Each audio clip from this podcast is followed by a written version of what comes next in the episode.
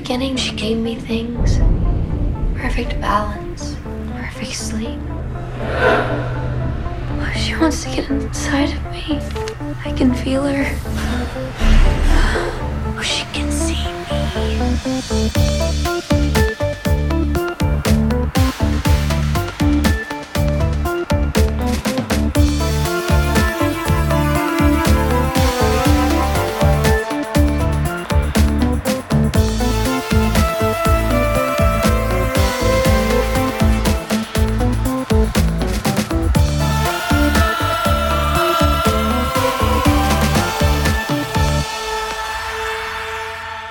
Här är det 184 avsnittet av skräckfilmspodcasten Vacancy. Jag heter Erik Nyström. Och jag heter Magnus Johansson.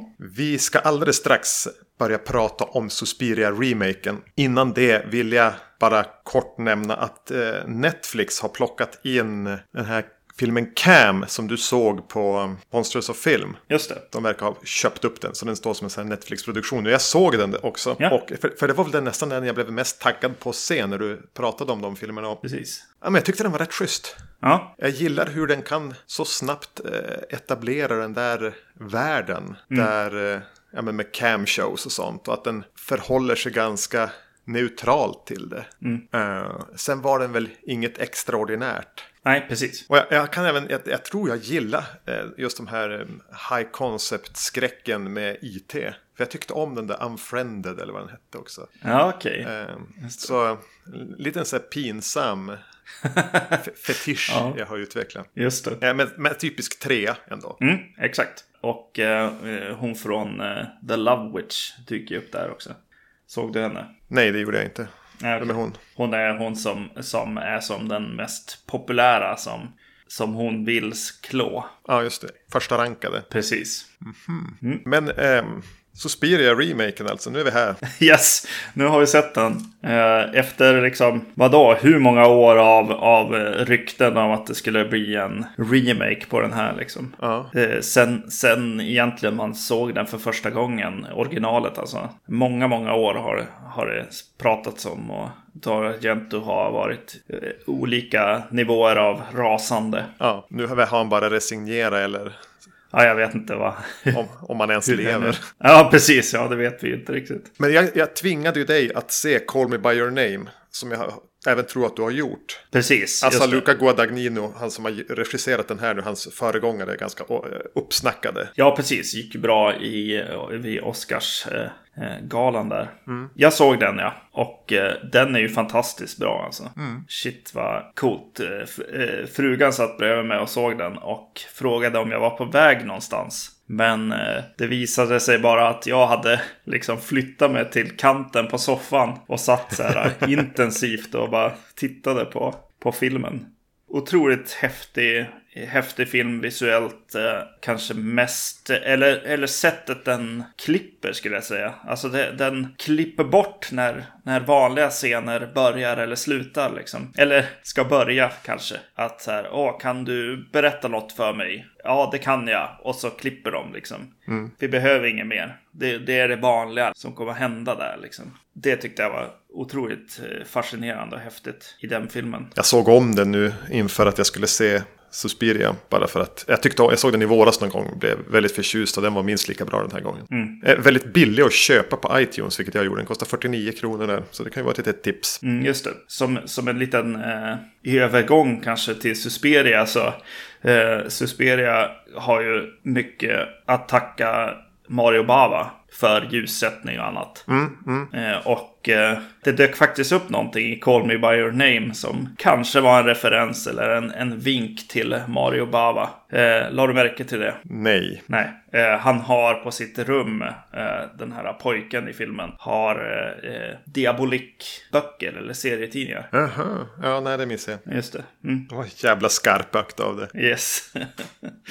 ja. Så vi, den här Luca Guadagnino, jag tror att man uttalar hans namn så, ha, fick väl ganska direkt efter han hade gjort Call Me By Your Name uppdraget att eh, omtolka en eh, riktig jävla skräckfilmsklassiker. Jag tyckte det ett inspirerat val. Jag kan gilla de här lite oväntade regissörsvalen. Mm. Eh, någon som var påtänkt väldigt länge tror jag för Suspiria var David Gordon Green. Som gjorde Halloween här senast. Mm. Jo, men jag tycker mig ha läst det också. Men det var bara var några år sedan han var på. Ja, det, det är det nog. Eh, det känns som att just de här ryktena om en remake han dö ut ett litet stund. Och så sen helt plötsligt så bara, här kommer den.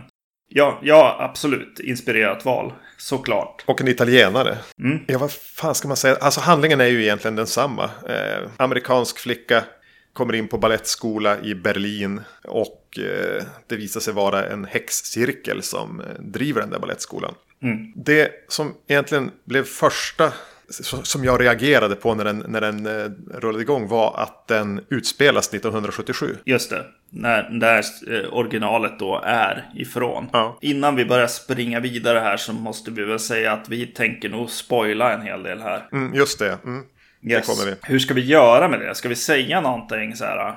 Gå och se den eller se den inte? Eller Ja, men det kan vi väl säga. ja, vad tycker du då? Ja, men jag tycker man ska gå och se den här om man har möjlighet. Yes, jag tycker det också. Så då får ni gå och se den och så får ni eh, återkomma och höra lite mer på djupet varför vi säger så. Mm. Yes. Och, och åter tillbaka så, så presenteras det ju även att den kommer att berättas i eh, sex akter och en epilog står i början. Och sen kommer det här första 1977 Berlin. Och då ett tag tänkte jag oj, ska den utspelas under många, många år? Just Var det, det tänkte jag tanke. också. Ja, du tänkte också det? Ja, Hamnade i ett, ett väldigt eh, 70-talsdoftande, blaskigt Berlin. Mm. Den utspelas väl i Västberlin, men den känns väldigt öststat på något sätt. ja, Jag tänker på, ja men dels eh, i looken och känslan den här Tinker Tailor Soldier Spy. Som Ja. ny, nyversionen som kom här för fem sex år sedan. Dels tänker jag på den i looken och så tänker jag lite grann på The American Friend. Wim Wenders film. Det kan ju ha att göra med att den utspelas väl också i Tyskland. Mm. Nej, Lite någonstans där de visuella referenserna. Det är ju inte Dario Argentos färg... Eh, sprakande palett direkt. Utan det här är ganska murrig och blek. Mm. Men ändå jävligt snygg. ja precis. Det är ju inte, inte så att eh, den inte är visuellt stark, eh, den här filmen. Utan det är den ju. Kanske, kanske ännu mer i klipp och sånt. Eh, att den använder väldigt mycket, ja vad heter det, hundar. Nej men sådana som man, sånt, eh, eh, sånt man klipper till. Alltså den koncentrerar sig inte alltid vid karaktärerna. Utan kan gå iväg och titta på ett stolsben eller så. Mm. Ja men eh, jävligt eh, fräsch eh, dekor. Alltså att den är väldigt snyggt, snygg scenografi. Jag vet inte riktigt vad man ska säga. Men alltså att de har valt intressanta hus. Eh, Snygga inredningar. Eh, även kläderna som karaktärerna har på sig är genomtänkta utan att det känns utstuderat. Ja, Eh, Den, den känns ganska jordad i, en, i ett verkligt 70-tal. Ja. Men det första som händer är att vi får träffa Chloe Grace Moretz. Som en av de här, hon heter Patricia, Patricia, som uppsöker sin eh, terapeut. Och jag hade väl, vi, vi, när vi pratade om våra förväntningar på den här så var vi ju båda inne på henne. Att eh, hon har sen första Kick-Ass-filmen, då hon är fantastisk, när hon är kanske 11 år gammal, i princip varit problem med allt hon har varit med i sen dess. ja. Eh, vad, vad, vad tycker du? Få någon revansch här då? Vi hade väl lite förhoppningar om det. Utifrån trailer och så. Ja, just det. Jag tycker hon verkar lite, eller jag blir kanske nervös kring hur hennes skådespel ska klara sig. Och det känns som hon har eh, utstuderat det här lite väl mycket mot för andra i filmen. Det känns som hon hoppar omkring där och är, är lite tokig liksom. Och så byter mellan engelska och tyska hela tiden. Nej, jag vet inte om jag gillar det sådär. Men mest så, det blir ju jobbigare, jobbigare med terapeuten som, som ju inte är en verklig människa på något sätt. eh, För det är bara en massa makeup. Visste du innan att alltså den här 75-åriga farbrorn ska spelas av Tilda Swinton? Ja, nej, jag kollade upp det efteråt. För jag bara, vad tu- varför? Jag har redan sett det i trailern så här och, och varit nervös över den här karaktären. För att, att ha den här, ja, från nya Prometheus-filmen också. Det här old makeupen liksom. Som inte håller. Liksom. Den är ju alltså, på ett sätt så här, imponerande i sig men det blir distraherande. Eller det blir lite, hela den karaktären känns konstig. Eh, Det blir li, lite, lite uncanny valley. Men framförallt så, ja, kanske jag hade störst problem med den karaktären är med överhuvudtaget. Ja. Och, och att jag blev lite, precis som du säger, nästan lite nervös eller lite obekväm över att han får så mycket utrymme. Ja. Jag, jag, jag läste en artikel eh, om varför, dels varför han är med i filmen. Och dels varför Tilda Swinton spelar honom också. Hon är ju även en av eh, lärarinnorna på, på Balettakademin. Och eh, karaktärens syfte, eh, han är ju egentligen den enda mannen som är med i filmen. Ja. För det första. Eh, Det är att han ska vara så karaktären som the witness. Eller vad man säger. Den, som, den som ser allting som händer. Den, som är, den, den vi är på något sätt. Ja. Som vi, vi, vi ska kunna hänga oss fast vid. Och då tyckte de att det var viktigt att det var en man. För alla kvinnor i den här filmen kan ju på något sätt vara en del av häxcirkeln. Och man skulle aldrig känna det. Med, Ja, just det. Ja, men det, kan, det, det resonemanget kan jag köpa. Sen så ville de ändå att det skulle vara en kvinna som spelade honom för att undvika just det här the male gaze-grejen från karaktären. Vilket ju, någonstans finns det en självmotsägelse där. Ja. Eh, och någonstans så kan jag väl uppskatta tanken med det. Men hela karaktären, framförallt just eftersom de ger honom så mycket att göra och en back, väldigt sentimental backstory med någon hustru som försvann under kriget.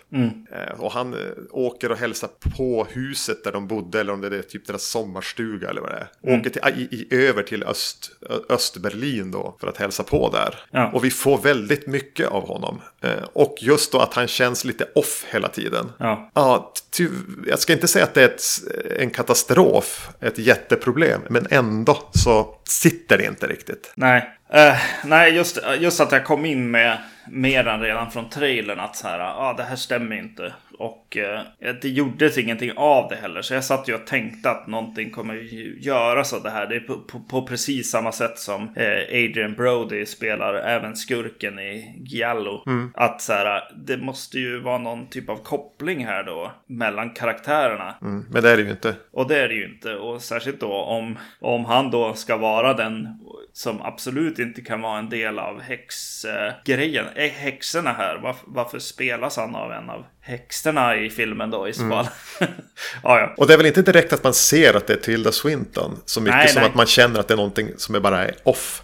Jag hade kunnat, för först tänkte okej, han är bara med i den här första sekvensen med eh, Chloe Grace Moretz. Att det är en liten så här cameo, okej, de gjorde det som en kul grej. Ja. Eh, men, men ändå är det skönt att det egentligen bara är kvinnliga skådespelare som har repliker i den. ja, precis. Det kan jag ju tycka är kul, men tyvärr kanske det blev på bekostnad av att det här blev en distraktion. Ja, jag tycker det. Alltså i och med det också eh, så, så blir det ju så här, vad gör han där? Vad, vad behöver jag av det här liksom?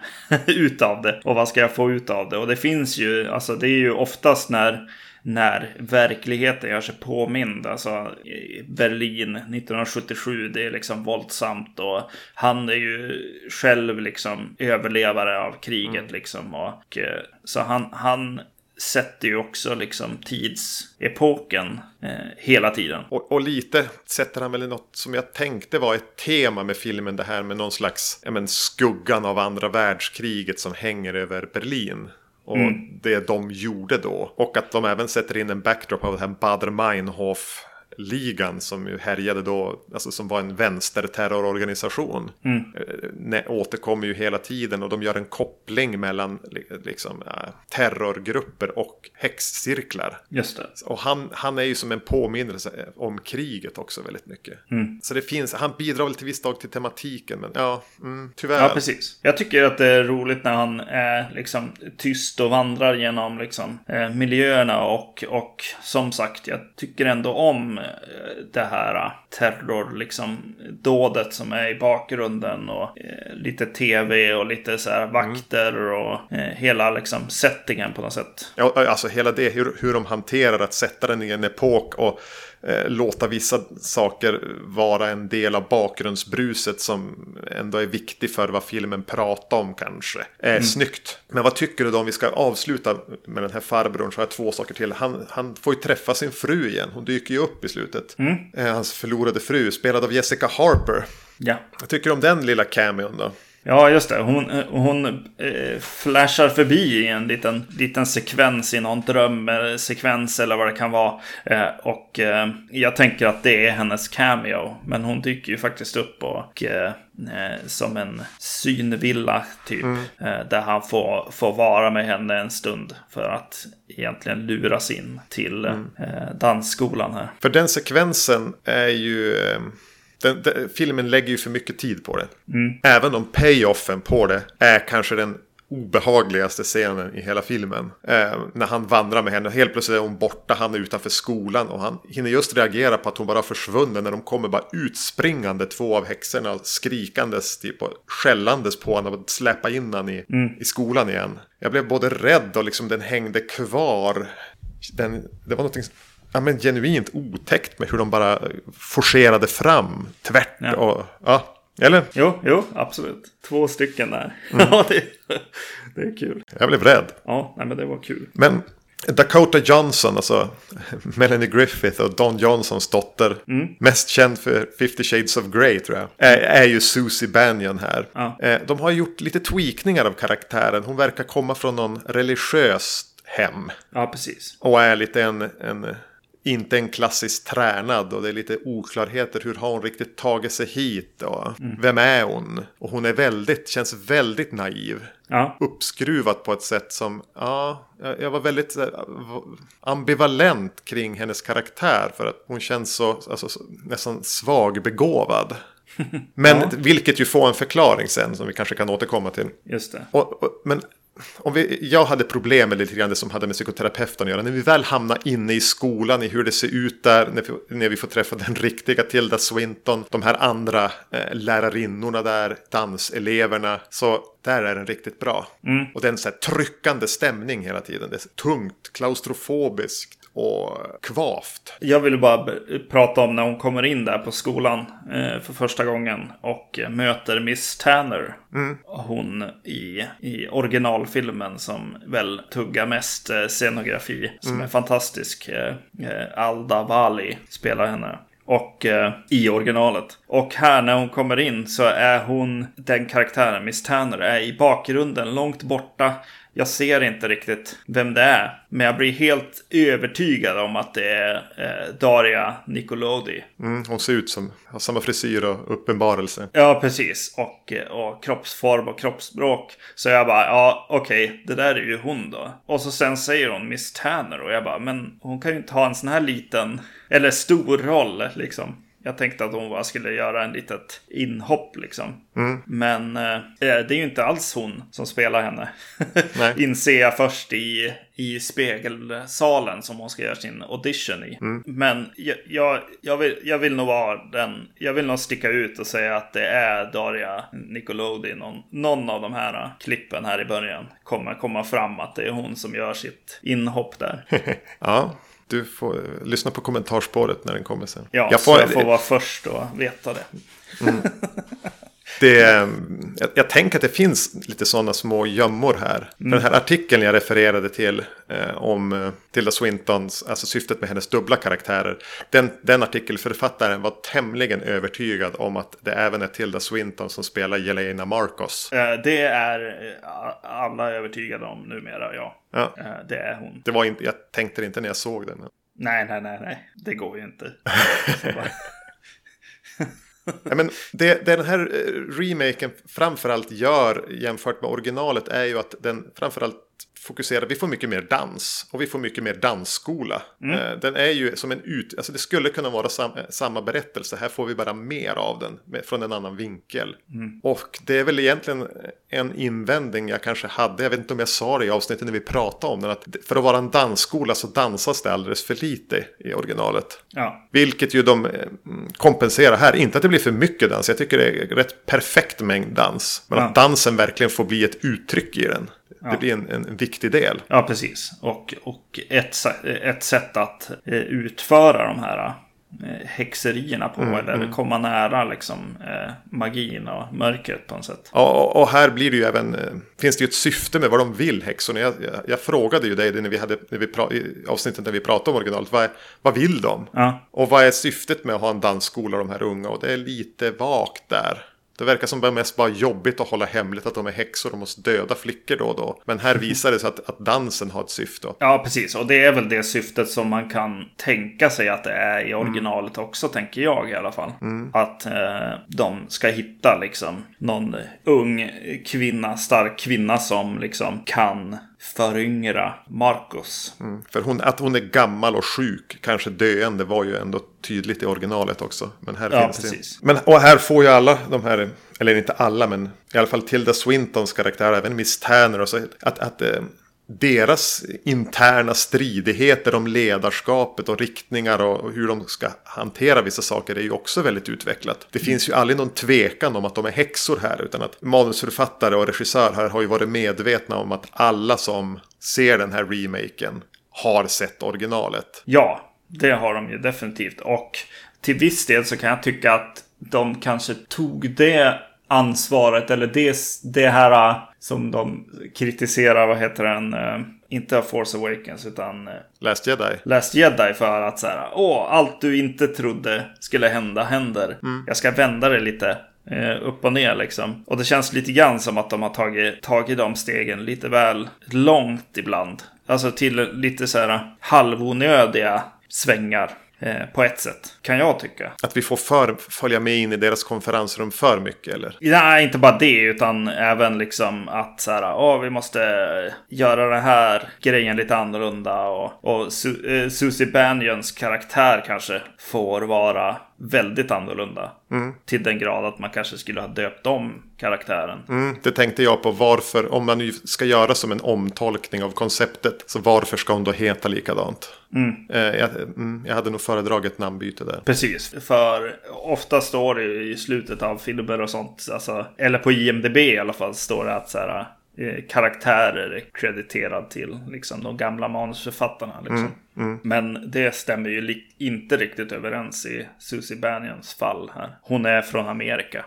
Det är i princip det. Och vill gå på den här skolan. Det känns som jag hoppade bort eh, Tog dig bort ifrån eh, någonting vi pratade om. Vad var det? Häxornas interna stridigheter. Ja, just det. Att de är där ja. För jag tyckte ändå att det var, gav en...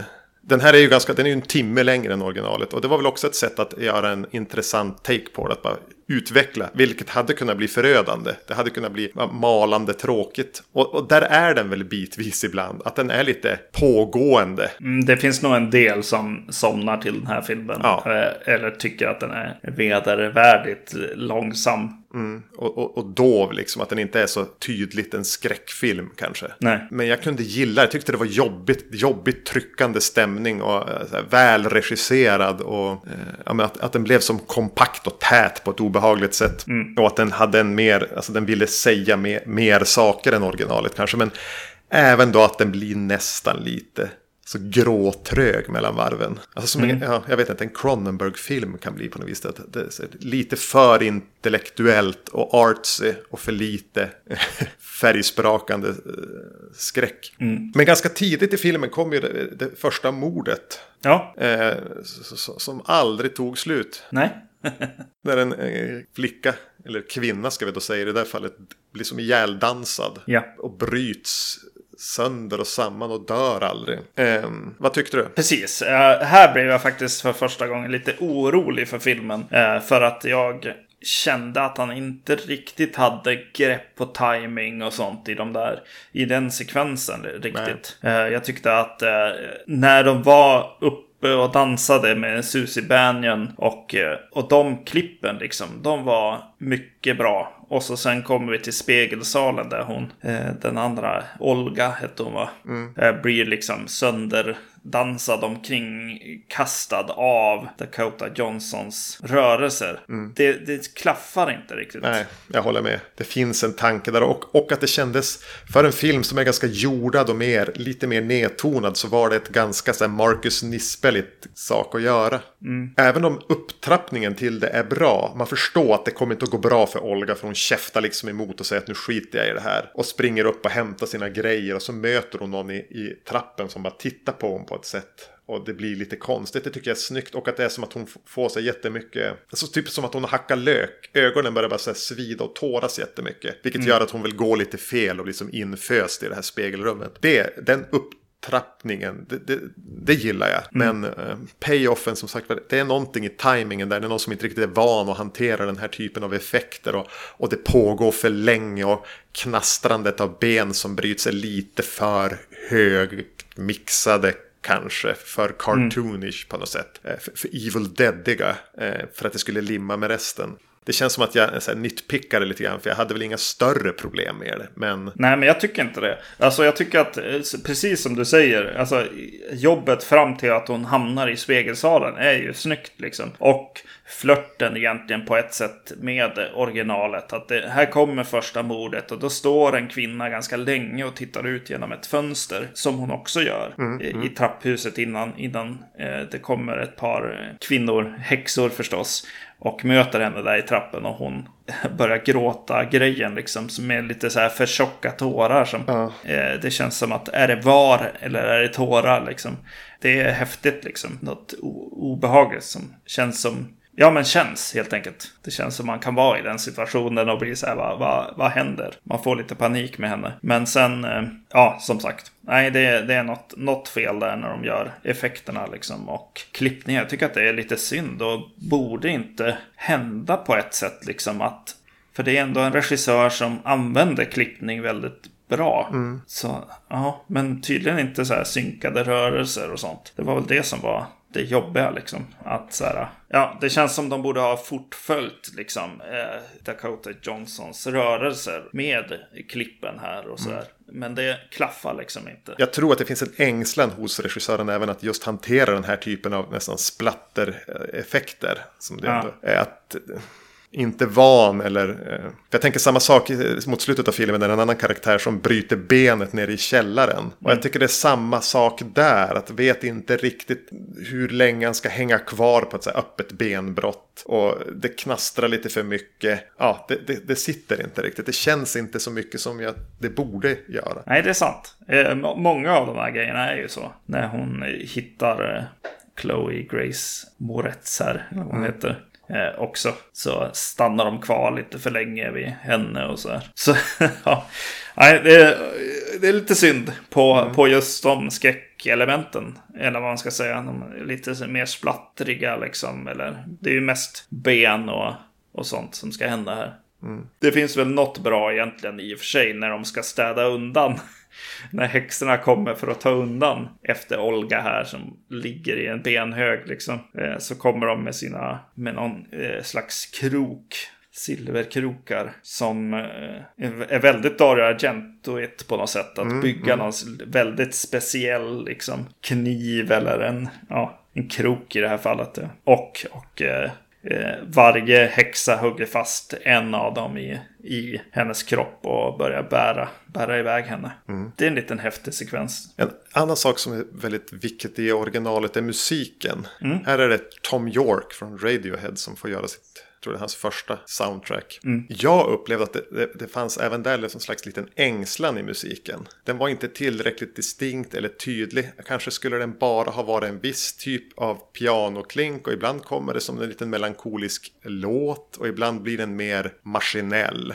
Jag förstår ju att man inte bara skulle ha gått och jaga och kopiera Goblin. Men jag hade önskat ett mer distinkt eller sammanhållet musik. Ja. Jag tyckte inte musiken var något som... Alltså, jag har ganska lätt att ha överseende med det. Men nu tänkte jag att jag ska ändå tänka på musiken eftersom det är så viktigt i originalet. Att, ja men det är väl så här OK. Två och en halv av fem skulle jag ge musiken. Den, den, den här filmen hade kunnat tjäna rätt mycket på att ha ett, ha ett, ett starkare score. Ja, just det. Som, eh, oj, vilken film dök upp i huvudet nu. Eh, Brokeback Mountain. Ja, något sånt. Inte, inte Ja. just den musiken men att... att eh, ja. På samma sätt, ja precis. Något distinkt, ja. Ja, det kan jag väl hålla med om. Eh, det står i eftertexterna, stod det att vad det, krediterar om Goblin till originalmusiken. Eh, vilket ju måste betyda att något av det här, de här sekvenserna ändå tog inspiration från dem. Det var nog bara en sekvens som jag fick lite så här, vad är det här för musik? Det här känner jag igen. Men den var ganska omarbetad i så fall. Det var någonting jag tyckte att pianoklinket lät som det i The Beyond, Ja, okej, just det. tror jag. Ja, Mm. Det, det känns som vi hakar upp oss på karaktärer eller går via karaktärerna in i den här filmen. Eh, så då vill jag nämna en annan från originalet som ju blir starkare och starkare tycker jag i originalet också när jag ser om den. Och det är Sarah. Mm, hon är bra där hon som spelar så här, Stefania Cassini. Jag tror vi pratade om det när vi såg den, eh, när vi pratade om filmen. Ja, och ty vad tycker du om den här, Mia Goth som hon heter, hennes Sarah? Jag tycker hon också är väldigt spännande. Jag gillar ja. när hon är med i, i filmen, i scener. Mm, liksom. mm. Hon lyfter nästan varje scen hon är med i utan att ta så mycket plats. Eh, och hon spelar väldigt bra mot Dakota Johnson. Mm. De kompletterar varandra och, och hon känns väldigt 70-tal. Ja. Utan att vara kitschig. Eh, nej, jag, jag tycker hon är väldigt stark i, i filmen. Det är därför jag hade, man, man blir lite småförälskad i henne. Och då hade jag velat att det skulle kännas mer eh, när det går som det gör för henne i slutet.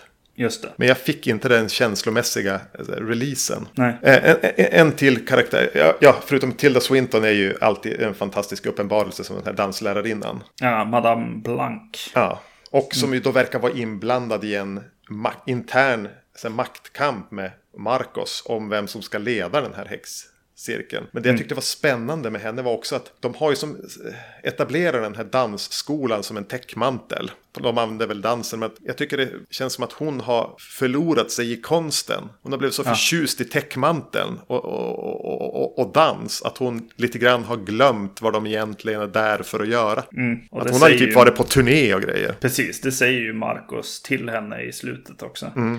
När de möts där till slut. Att så här, du förlorade konsten på något sätt. Eh, vilket är en liten vink också tycker jag är roligt i filmen överlag. Att så här, eh, nu säger jag det här. Och så går vi över till en ganska brutal liksom, eh, skräck-onani liksom. Den där eh, Marco som dyker upp är egentligen typ Dario Argento som säger till Luca Guadagnino att vad håller du på med? Du har förlorat dig i konsten. Exakt. Ja, det känns lite så. Även om jag trivs när den här förlorar sig i konsten faktiskt. Jag tycker, jag tycker om det. Mm, det gör jag också. En, en till karaktär jag känner att jag måste nämna. Det är den här eh, Phil Spector-liknande häxan. En kort kvinna med stora glasögon och, och ett burrigt hår som eh, tar livet av sig. Just det. Som verkar betrakta och iaktta hela tiden. Och, och nervös och ängslig. Och under ett möte så, så skär hon halsen av sig. Eller hugger sig i halsen. Mm. Vad va, va, va tänkte du om henne och varför gör hon det hon gör? Ja, du. För jag, jag kom på det och, det. och, för att vi ska kunna prata om det så måste vi komma till den här tw twisten ja. i filmen. Mm. Som, jag måste bara säga, du nämnde The Last Jedi, eh, vilket får mig att tänka att du inte gillade twisten här. Eh, eh, eh nej. För jag tyckte nej. det var en av de, mer, de coolaste twistarna i en skräckfilm. Ja, Just precis. när man har originalet med sig. Ja. Så tyckte jag, bara det att de har antytt att ja, men Helena Marcos säger att hon är Mater Suspiriorum. Vi vet ja. inte. De, de, är lite så här, några i den här som är lite mer trogna mot Blank, Blank är ju lite skeptiska till om hon verkligen är det eller om hon bara säger. Och, mm. och twisten blir ju sen när hon, när det visar sig att det är Susie Bannion som är Mater Suspiriorum. Ja. Och att hon har egentligen kommit dit för att göra sig av med Marcos. Mm. Och de otrogna. Precis. Och rensa upp de korrupta häxorna i hennes mm. cirkel. Hon har väl som återfötts eller ja, levt i exil eller någonting. Ja. Jag, jag älskade den twisten. Mm. Och min känsla är att den här Phil Spector-häxan som jag kallar hon för, hon förstår. Mm. Att det här är ju för fan, det här, det här är inte bra. Det här är Matter Suspiriorum som har kommit hit. Och ja. jag, jag kommer att råka illa ut nu. Ja, nej men precis. Det är, det, det är så hon har eh, behållit makten också. Marcos. Det är, eh, ja, det är häftigt. Eh, det är ju lite twist och twist samtidigt. Eller ja, det är väl kanske bra i och för sig när man lämnar liksom eh, lite spår och så i filmen liksom. Men det är ganska hårt hintat åt. Ja, eller hade du förstått det redan? Jag hade ju tänkt att den här mamman definitivt var eh, den här, ja, Suspiriarum. Mm. Men eh, Nej, jag var inte, jag var inte där. Jag förstod inte Nej, riktigt vad tillbakablickarna. Men, jag tänkte, ja, någonting, någonting kommer det att vara med det här, men vad? Precis, för jag tänkte på den som ligger där bakom, eh, vad heter det, alla... Ja, de här skynkena när de av ja, fumigerar. Ja, och ligger och andas och mår dåligt liksom. Det är ju precis hon som ligger där, tänker jag. Mm, mm. Så jag hade väl eh, det på känn, absolut. För jag tyckte det var en, en, en, en härlig knorr. Och så får det urarta liksom i en sån här skräckorgie. Med typ mm. någon demon demon som kommer upp. Mm, precis. Och slaktar häxor. Ja, det är ju fint också i början. Alltså när hon får kontakt med något från under golvet liksom. Ja. Som man ju ska tänka är Marcos då. Ja. Men det är ju den här döden eller vad det nu är för karaktär liksom. Som för övrigt spelas av mamman Jaså. som ligger på dödsbädden där. Såklart. Ja. Tankarna gick lite grann till Evil Dead-remaken. Allting bara blir rött och det bara sprutar vansinniga mängder blod när hon går, den där går runt och hackar sönder. Och... Ja just det, och så står de ju. De eh, sitter ju, eh, är ju nakna i en slags formation som är ju med i The Church också. Alltså, Det kommer ju upp ett, någon slags konstverk ur, ur marken. Ja, eh, som är någon slags djävulshög liksom. Och det är den eh, formationen alla har där, dansarna liksom, innan allting brakar lös där. da- dansa febrilt hela tiden också. Ja, Eh, det, jag tycker det är en häftig scen. det är ju, är inte slutet på, på eh, Mother of Tears också? Ja, lite. Alltså jag tyckte den här flörtade med Mother of Tears. Jag kunde se spår av, av alla de tre tidigare filmerna i den. Precis, In, In, Inferno kanske mest för att man djupdyker lite grann i, i vad de har skrivit om och att de här tre mödrarna och sånt. Medan eh, Mother of Tears får både den här magiska kraften som skimret. svävar. Skimret ja, eh, som även återfinns här. Vilket kanske bara är på random tänker jag. Jag tänker att han knappt har sett Mother of Tears. Men att det är något, något som både han och Dario Argento har snappat upp på. Som har med någon slags magi, skimmer liksom. Som säkert finns förklarat i någon bok. Ja, jag tyckte att filmen var ganska befriad från humor. Alltså det är en väldigt allvarlig historia. Den, den, två gånger den, den eh, vågar vara lite rolig. Och framförallt är det efter eh, den här stora slakten. Så återgår liksom allt till det normala. Dels så får de hålla på och städa där nere. Man går och skrapa ihop inälvor och grejer. En kort, bara något kort klipp. Och dels har Tanner inte så här ens förmått sig att tvätta bort blodet ur ansiktet. Så kommer de upp, de här som har varit och typ dansa i någon slags trans. Och bara helvete vilken fest. Puh, vad jag drack vin igår. Jag minns fan ingenting. Nej. Den får vara lite rolig där. Och det är ju massa mardrömmar med. Som känns som så här artfilm eh. Bara massa så här läskiga klipp. Och jag bara, jaha, ja, ja, ja, här har de bara fått gå loss på och, och, och så här brainstorma fram läskiga bilder som de sen klipper ihop till mardrömmar. En del av dem är rätt läskiga, en del är rätt snygga. Men jag tänkte Ja. lite trött så här, konstfilms. Och då efter andra gången hon har haft det så är det Sarah som säger bara, ja, ja jag vet hur det är. Så här, i tre första veckan här så drömde jag bara om hårbollar i toaletter. Att den liksom Ja. kunde kommentera att det är lite lökigt så här Marilyn Manson-video. Eh, mm mardrömmen. Eh, precis, för jag, jag tänkte på, på det i den här dansgrejen. Eh, det, när hon bryter alla benen och sånt så började jag tänka så här. Ja, de har åtminstone inte så här skakat till kameran eller kört så här någon slags ghosting-effekt på det. Vilket de sen då gör i den här slutsekvensen dock. När de dansar runt och sånt i bakgrunden. så jag vet inte, det kanske är högt och lågt på något sätt. Eh, och det kanske är som Marcos säger att här får du nog fan gå loss lite grann. När du skakar loss dina artistiska ambitioner. Men det är ju coolt alltså när den här dödskaraktären ändå går omkring och bara spränger huvuden. Och det är ju lite förlösande Ja. på något sätt. Eh, jo, du pratade om eh, att eh, hoppa i tid och sånt. Att du hade förväntningar av att gå över, över många år här. Ja, jag fick känslan när det stod ett år presenterat i början. Eh, exakt, och det, det fick ju jag också. Eh, den, den slutar ju faktiskt med eh, en annan tid. När det är en massa folk som är vid den här lilla stugan. Och eh, pratar i mobiltelefoner och annat. Som på något sätt ändå ska liksom hålla kvar kanske andra världskriget. Jag alltså är det inte den, bit, den biten han vill prata om. Att så här, ja, om vi inte passar oss så, så gör vi det igen här nu då. Mm. Eller om vi inte passar oss. Vi, vi håller på att göra det igen helt enkelt. väl det han säger. Ja, vi är överens. Eh, precis, oj, det här är första gången jag ser den här filmen. Eh, det känns som att jag vill se den igen med, med så här, inte super, superfanet går på en, en remake-ögonen lite grann.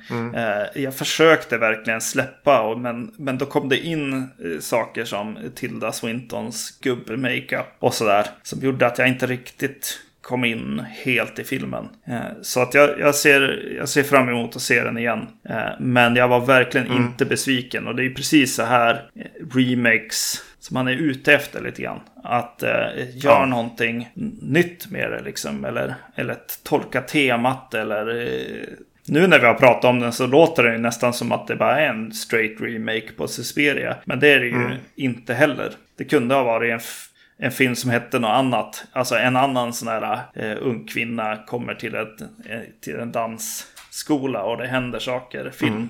Eh, vilket är skönt. Jag, jag gillar verkligen den här typen av eh, remakes. Vilket jag i princip inte har sett för samtidigt. Jag tycker det är en väldigt fräsch take på hela konceptet Ja. med remake. Eh, jag tycker den tar grundstoryn eh, och eh, överträffar vissa element. Just att den tar en timme till på sig och utvecklar dem. Jag tycker att den har ju ett betydligt starkare slut än vad originalet har. För originalet är ju som ett antiklimax egentligen. På slutet. Bitvis var jag verkligen insugen i den här tryckande stämningen. Ibland var jag lite uttråkad. Ibland tyckte jag, fan vad coolt, den här är mycket bättre än originalet.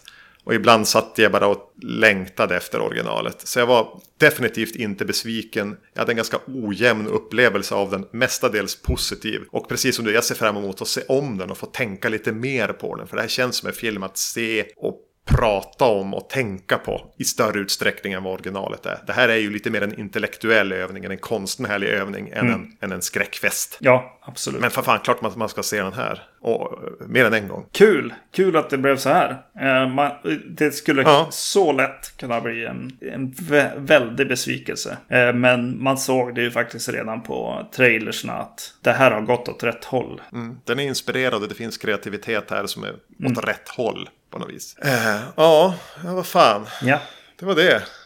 Häftigt. Eh, nästa avsnitt blir vårat... En liten comeback för att göra julfilmer. Ja. Det har vi inte gjort på ett tag. Eh, och ni lyssnare som uppmärksammade det på Facebook har ju även varit med och röstat fram vilka två det ska bli. I alla fall då vi valde att frysa den för att kunna skaffa filmerna. Och det blir alltså Rare Exports och eh, Krampus som vi kommer att prata om i nästa avsnitt. Ni vet var vi finns. iTunes, vacancy.se. Vi finns på Facebook. Eh, man kan mejla oss på podcast.vacancy.se. Eh, vi finns även på eh, Instagram, var och en för sig. Våra privata. Du heter Zombie-Magnus, jag heter Erknym. Var det något annat vi ville säga? nej det blir bra så. Ja, Ja, ha det bra. ha det bra. Hej. Hej.